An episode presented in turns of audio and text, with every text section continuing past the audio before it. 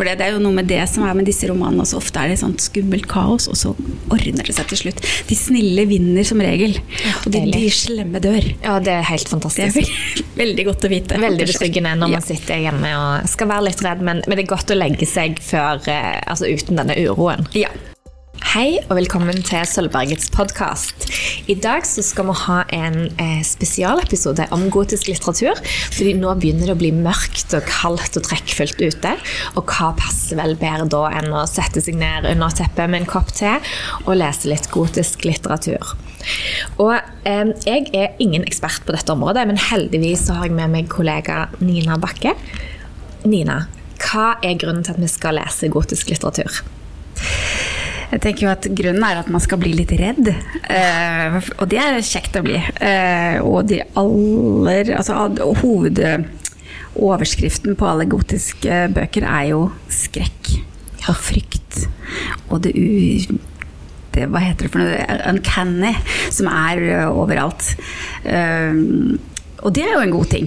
Enten det er oktober eller mai, så er det fint også å lese skumle ting som man kjenner at man lever, og blodet prikker, og hjertet banker, og Fantastisk. Ja.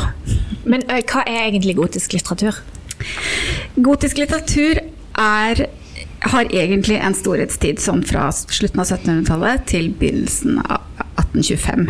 Men fremdeles så har man jo gotiske elementer i romaner, f.eks. Harry Potter og alle disse domestic noir-bøkene som nå kommer, eh, i, spesielt i Storbritannia. Men i utgangspunktet så er det har, de, har de, de som var i storhetstiden, har noen spesifikke elementer som er gjenkjennelige i alle Og hva er de? det er at det alltid da er skummelt.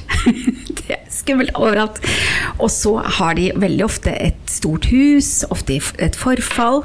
De har, eh, kan ha litt eh, eksotiske, altså fra, ut fra at det var fra 1700-tallet og ble skrevet i England, eksotiske steder, skrevet som f.eks.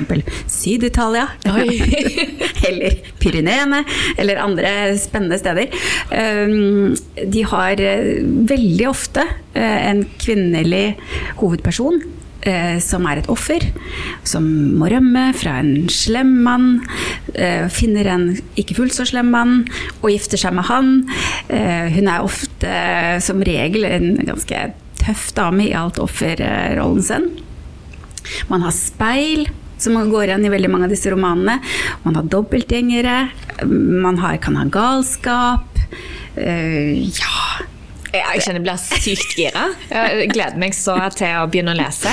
Men du har vært så grei at du har tatt med en, en slags introduksjon til gotisk litteratur. Altså, fordi jeg, eh, Siden jeg ikke er så um, bevandra innenfor dette temaet, og de som lytter på kanskje heller ikke er det, hva er den første gotiske romanen du ville anbefalt noen som ikke har mye kunnskap om temaet fra før av?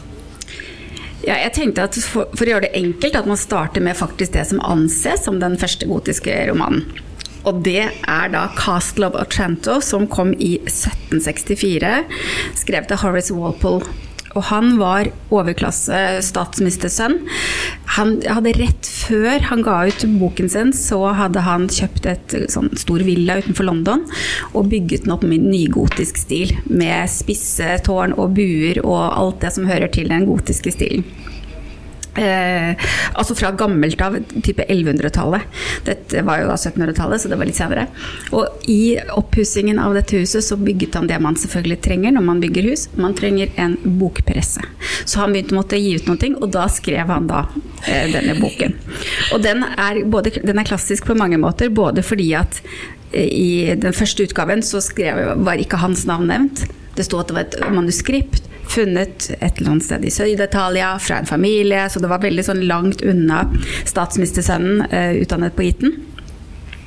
Og her har man da eh, en familie hvor det er eh, noen som ikke er det de sier at de er. Det, er, det kommer eh, skumle eh, eh, det, hva heter det? Prophecies? Spådommer? Spådommer. Det er en spådom som sier at familien skal øh, bli utvist fra slottet og miste pengene sine hvis det og det skjer. Og så skjer det noe som nesten ligner på det. Og så er det da innfløkte ting, grusomme ting, skumle ting, portretter som beveger seg, litt sånn Harry Potter, eh, slottet som faller sammen, og til slutt så blir det orden i kaoset. For det, er jo noe med det som er med disse romanene også. Ofte er det sånt skummelt kaos, og så ordner det seg til slutt. De snille vinner som regel, ja, og de, de, slemme dør. Ja, det er helt fantastisk. Det er veldig godt å vite. Veldig betryggende når man sitter hjemme og skal være litt redd, men, men det er godt å legge seg før, eh, altså uten denne uroen. Ja. Den, den, eh, og selv om den er fra 1764, så er den overraskende lett å lese. Den er, eh, har den, er, den, har et gammelmodig språk og gammelmodige beskrivelser av, av de det gjelder, men allikevel så er den fin. Og den er på biblioteket. Den er på biblioteket På engelsk? På engelsk. Den fins dessverre ikke oversatt på norsk. Den fins oversatt på dansk, men ikke på norsk. Hallo, forlagsbransje. Ja. ok, Det var en veldig god reklame for den første gotiske eh, boken.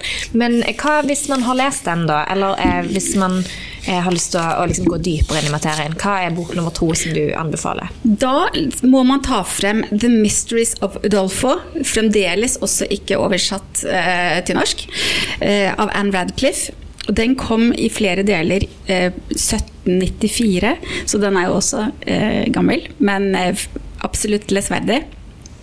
Og hun var noe så, så, sjelden på den tiden som både bøkene kom med hennes navn på forsiden, det skjedde ikke så ofte, uh, og hun var også godt betalt, så for dette manuset, det var nummer fire av de bøkene hun skrev, så fikk hun 500 pund i forskudd, som da var voldsomt bra på den tiden. Mm. Og her har vi også da en, en um, morløs heltinne eh, slem far som dør, gifter seg med en tante. Hun er også slem. Ny mann kommer, skummel. Eh, tar henne med på reise. De reiser gjennom da bl.a. eksotiske Pyreneene. eh, og hus faller sammen. Eh, penger blir borte. Men til slutt så ordner det seg helt. Det går bra til slutt. Men det er veldig mye skummelt og uhyggelig. Og spøkelser. Og alt mulig som skjer underveis. Det er fantastisk.